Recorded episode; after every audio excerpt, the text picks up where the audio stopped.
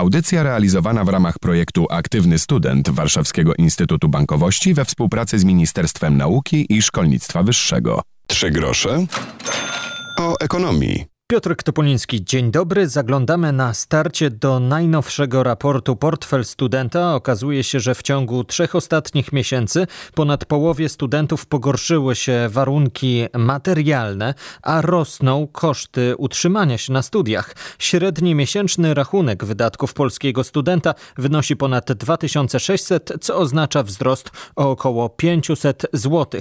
To najważniejsze wnioski z piątej odsłony raportu Portfel Studenta opublikowanego przez Związek Banków Polskich i Warszawski Instytut Bankowości tuż u progu nowego roku akademickiego. W audycji dzisiaj będziemy pytali studia i co dalej. Razem z dziennikiem Gazetą Prawną szykujemy dodatek, który pojawi się na łamach dziennika Gazety Prawnej. Studenci zrzeszeni w ramach ogólnopolskiego forum mediów akademickich przygotowali artykuły, które pokazują perspektywę młodego człowieka na studiach, przed studiami i tuż po nich. My zapytaliśmy podczas debaty, która towarzyszy tej akcji, o to, co dalej, co to znaczy studiować dzisiaj. Przecież tytuł magistra nie wystarczy, by utrzymać się na rynku pracy i już więcej nic nie robić. Wielu z Was korzysta ze studiów podyplomowych, szkoli się w pracy. No a wiadomo, że ostatnich kilka miesięcy na uniwersytetach to nie był normalny czas. Debata nad kształtem szkolnictwa wyższego trwa już od czerwca i jak będzie wyglądał nowy semestr, mówi Anna Budzanowska, podsekretarz stanu w Ministerstwie Nauki i Szkolnictwa Wyższego. Rektorzy będą sobie samodzielnie podejmować decyzję, jaką ścieżkę tego powrotu wybiorą. Proszę pamiętać, że często to są tak, najwięksi pracodawcy w regionie, młodzież z największą mobilnością, do tego są największe skupiska ludzkie mieszające się, czyli wykłady na studiach humanistycznych, społecznych, plus do tego stołówki, życie akademickie, które w reżimie epidemicznym jakoś będzie wyglądać, ale na pewno nie będzie tą e, kulturą akademicką, do której my byliśmy przyzwyczajeni. I do tego wszystkiego jeszcze są skupiska mieszkaniowe, bo akademiki też są pewnego rodzaju wyzwaniem. Pokładanie tych wszystkich procesów w taki normalny rytm jak szkoły, gdzie są klasy, które jednak się minimalnie sposób mieszają, jest zupełnie innym wyzwaniem. Więc w tym roku zdecydowaliśmy, że namawiamy uczelnie do powrotu. Wiem, że kilka się już zdecydowało, w dużych ośrodkach również, natomiast rzeczywiście rektorzy podejmują decyzje z większą ostrożnością niż można by się było tego spodziewać. Ale to nie jest tak, że wszystkie uczelnie nadal tylko będą hołdować nauczaniu zdalnemu. I jeszcze jeden mit chciałam obalić. To nie jest tak, że e, jak e, studenci pierwszego roku rozpoczną w tym roku zdalnie od października, to, to ta zdalność będzie utrzymana do piątego roku, do trzeciego roku studia licencjackiego, do szóstego roku w zależności od typu studiów. My zakładaliśmy w naszym rozporządzeniu studiów, była dopuszczalna zdalność, czyli taka hybryda, do pewnego poziomu procentowego w, w zależności od toku studiów. I jeszcze jedna rzecz, że w zależności od rodzaju studiów też są takie studia, gdzie to jest niemożliwe, żeby była zdalność, więc ja myślę, że trzeba wyważyć te rzeczy. Każda uczelnia jest inna i trudno je do siebie porównywać, podkreślał Dominik Leżański, przewodniczący Parlamentu Studentów RP. Nawet Uniwersytetu Warszawskiego i Politechniki Warszawskiej, a nawet Uniwersytetu Warszawskiego i Uniwersytetu Jagiellońskiego, które wydawałoby się, że są podobnymi uczelniami, czy dwóch uczelni zawodowych. Każda z nich ma inną infrastrukturę, każda z nich prowadzi trochę inne kierunki, no i przede wszystkim te kierunki są zupełnie odmienne. Ja uważam, że rola samorządów studenckich była ogromna w tym ostatnim semestrze. Ewaluacje, które były prowadzone na przestrzeni e, już w trakcie semestru, tak naprawdę dopiero wtedy rektor widział, który dziekan e, jakby egzekwuje od swoich pracowników we właściwy sposób prowadzenie tego nagłego kształcenia zdalnego, a który po prostu mówi, że mają prowadzić takie kształcenie. Więc e, to było ogromna rola i myślę, że na większości uczelni dało się wykrzesać to, co można było. Ja głęboko wierzę, że ten semestr będzie zupełnie inny, bo tutaj też warto zauważyć e, kilka kwestii, o których się nie mówi. Ten semestr kończył się dopiero we wrześniu i on się nadal kończy i na przykład na uczelniach technicznych sporo laboratoriów odbywa się właśnie teraz. To jest e, coś, o czym w ogóle w opinii publicznej się nie mówi. Może uczelnie trochę boją się o tym mówić, żeby nie przyznać się wcześniej do błędu albo czegokolwiek, że może zbyt mocno w maju i w czerwcu nie nadrobili tych zaległości, które można było nadrobić. A ten przyszły semestr, wydaje mi się, że ci, którzy mogą prowadzić zdalnie, to prowadzą, ale te zajęcia, które nie mogą się odbywać zdalnie, to będą odbywały się stacjonarnie i tutaj jest sporo niewiadomych, przede wszystkim takich bardzo organizacyjnych niewiadomych, czyli jak uczelnia realnie, czy postawi się po stronie studenta, czy postawi się po stronie studenta i się zastanowi nad tym, że e, jeśli student ma wykład zdalnie od 11 do 13, to nie jest w stanie dojechać na uczelnię na 13.30 na kolejne zajęcia. Sygnalizujemy to bardzo często. Mam nadzieję, że rektorzy również będą na tyle dojrzali, że będą potrafili postawić się po stronie studentów. Trzy grosze o ekonomii. W audycji dzisiaj rozmawiamy o debacie studia i co dalej. To pytanie zadajemy razem z dziennikiem Gazetą Prawną. Niedługo cała debata do odsłuchu i do zobaczenia na stronach e, dziennika Gazety Prawnej. Tymczasem dla Was przedpremierowo kilka wypowiedzi i kilka fragmentów jeszcze przed premierą tej dyskusji. Udało nam się porozmawiać z kilkoma ekspertami, którzy na co dzień zajmują się rynkiem pracy tym, czego rynek pracy potrzebuje.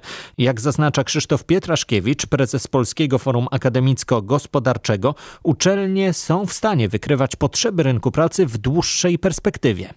Jestem przekonany, że to, co robią obecnie uczelnie, to, co robią rady uczelni, to, co robi także Polskie Forum Akademicko-Gospodarcze, my dyskutujemy w porozumieniu z sektorowymi radami do spraw kompetencji, a jest już ich kilkanaście, dyskutujemy i tworzymy możliwość e, rozpoznawania przez uczelnie e, w toku dyskusji z, z sektorowymi radami, jakie potrzeby są dzisiaj, jakie potrzeby będą mniej więcej jutro, nie zawsze już pojutrze, ale ta rozmowa, stała rozmowa, w jakim kierunku ewoluują poszczególne branże, jest e, niezmiernie ważna. Również chciałbym powiedzieć, że tutaj są potrzebne takie zawody jak analitycy wielkich baz danych jak kwestie cyberbezpieczeństwa. Jeszcze to, to jest przysłowiowa kropka w tym zakresie kompetencji cyfrowych nad i.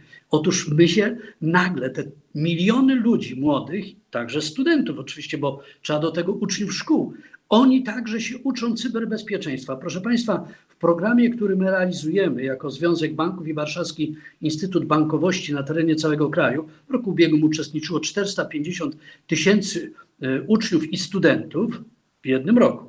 E, ogromnym zainteresowaniem cieszyły się i cieszą się zagadnienia cyberbezpieczeństwa wśród ludzi młodych. Wiedzą, dowiadują się z grubsza, jak przeciwstawiać się atakom i tak dalej. Także sądzę, że powinniśmy stworzyć dobrą platformę w najbliższych latach do współdziałania sektorowych rad kompetencji reprezentujących liczne zakłady z różnego rodzaju gałęzi przemysłu, z uczelniami i szkołami, aby ten sposób kształcenia był dobry. Trzy grosze o ekonomii. A w audycji dzisiaj temat y, rynku pracy. Rozmawialiśmy przed chwilą o skutkach pandemii na uczelniach, o przygotowaniach uniwersytetów do tego, co będzie jesienią. Było kilka słów o tym, co powinniśmy robić w tym momencie. Szukać studiów, które y, w raportach y, objawiają się jako te, które przyniosą nam największe pensje, czy może jednak iść za głosem serca i zainteresowaniami. Jak ocenia Małgorzata Lelińska, wicedyrektorka Departamentu Funduszy Europejskich, Europejskich Konfederacji Lewiatan pożądana na rynku pracy będzie cyfryzacja i wszelkie umiejętności, które wiążą się z tematem kompetencji cyfrowych. Ważna także na studiach i po nich będzie umiejętność uczenia się i weryfikacji informacji już teraz, jak patrzymy na te osoby, które wykonują jakieś określone zawody, mniej więcej 10% zawodów tych, które wykonujemy, na nie będzie większe zapotrzebowanie. Około 20% to są takie zawody, w których pewnie w perspektywie 10-20 lat zastąpią nas roboty, a cała reszta to są zawody, które będzie trzeba wykonywać nieco inaczej niż teraz są wykonywane. Patrzenie przez taki pryzmat, że to, co jest dzisiaj i ja za 5 lat odnoszę się właśnie do tej rzeczywistości, która jest teraz, nie da nas sukcesu na rynku pracy Jeśli chodzi o te zawody właśnie deficytowe, to generalnie na ten moment pracowników potrzebuje branża budowlana, medyczna, produkcyjna, transportowa, gastronomiczna. Natomiast też widać, że jak przychodzi taki kryzys, jak ten, z którym teraz mamy do czynienia, to to się nagle weryfikuje. Też mogą być bardzo duże zmiany. Sporo jest takich deficytowych zawodów, w których potrzebne są kwalifikacje, które się raczej na poziomie kształcenia branżowego jak nabywa. Natomiast jeśli chodzi o te wyższe stanowiska, no to tak jak mówię, to jest wiązka kompetencji, to jest właśnie ta współpraca w grupie, bycie komunikatywnym, bycie też innowacyjnym, takim kreatywnym, otwartość na zmiany, czy też umiejętność współpracy w różnorodnym środowisku. I to, co na pewno też jest e, ważne, to postawa, czyli chęć pracy po prostu. Coraz częściej pracodawcy w toku rekrutacji dają jakieś zadanie do wykonania na przykład, żeby sprawdzić, jak sobie radzi e, dana osoba z konkretnym przypadkiem. Umiejętności analityczne, takie poszukiwanie informacji, ale też jasne komunikowanie tego, co się chce przekazać, to to są takie bardzo pożądane cechy, ale też takie nieschematyczne myślenie. To, że my będziemy musieli się w różnych sytuacjach odnajdować, to jest potrzeba właśnie nie wpisywania się w jakieś takie sztywne ramy, tylko też odwaga w prezentacji własnych rozwiązań. To, czego pandemia na pewno uczy i co się też przyda na rynku pracy, to jest w ogóle samoorganizacja. Teraz jest coraz więcej takich firm, w których nie są sztywno określone zadania odtąd dotąd, tylko trochę trzeba własnej inwencji, żeby wypełnić treścią to, co jest przedmiotem naszej pracy. Więc taka samoorganizacja i branie odpowiedzialności to są takie może nie stricte kompetencje merytoryczne, natomiast to są właśnie te gdzieś na granicy postaw, postaw i umiejętności, które warto wykształcić w czasie studiów. Tyle o kompetencjach. Zachęcam do tego, by śledzić temat, debata, studia i co dalej. Już niebawem na stronach Dziennika Gazety Prawnej i w dzienniku także dodatek poświęcony temu, jak studenci widzą swoją przyszłość i rzeczywistość, która przecież bardzo się zmieniła w marcu i teraz z skutkami tej sytuacji będziemy mieli do czynienia. Zachęcam do śledzenia działalności Ogólnopolskiego Forum Mediów Akademickich, a także zachęcam na koniec jeszcze do badania studenci na rynku nieruchomości i do badania portfel studenta, bo wiele one mówią w liczbach o tym, co wydarzyło się w świecie studentów i myślę, że do tych tematów, do tego jak mieszkamy i zamieszkamy, mówić będziemy w kolejnej audycji. Trzy grosze o ekonomii warto obserwować w swojej ulubionej aplikacji z podcastami. Wystarczy wpisać tytuł naszej audycji, by usłyszeć te audycje, a także poprzednie nasze spotkania, podczas których rozmawialiśmy o studentach o uczelniach i o pracy i pieniądzach. Piotr Topuliński, dzięki za uwagę i do usłyszenia. Audycja realizowana w ramach projektu Aktywny Student Warszawskiego Instytutu Bankowości we współpracy z Ministerstwem Nauki i Szkolnictwa Wyższego.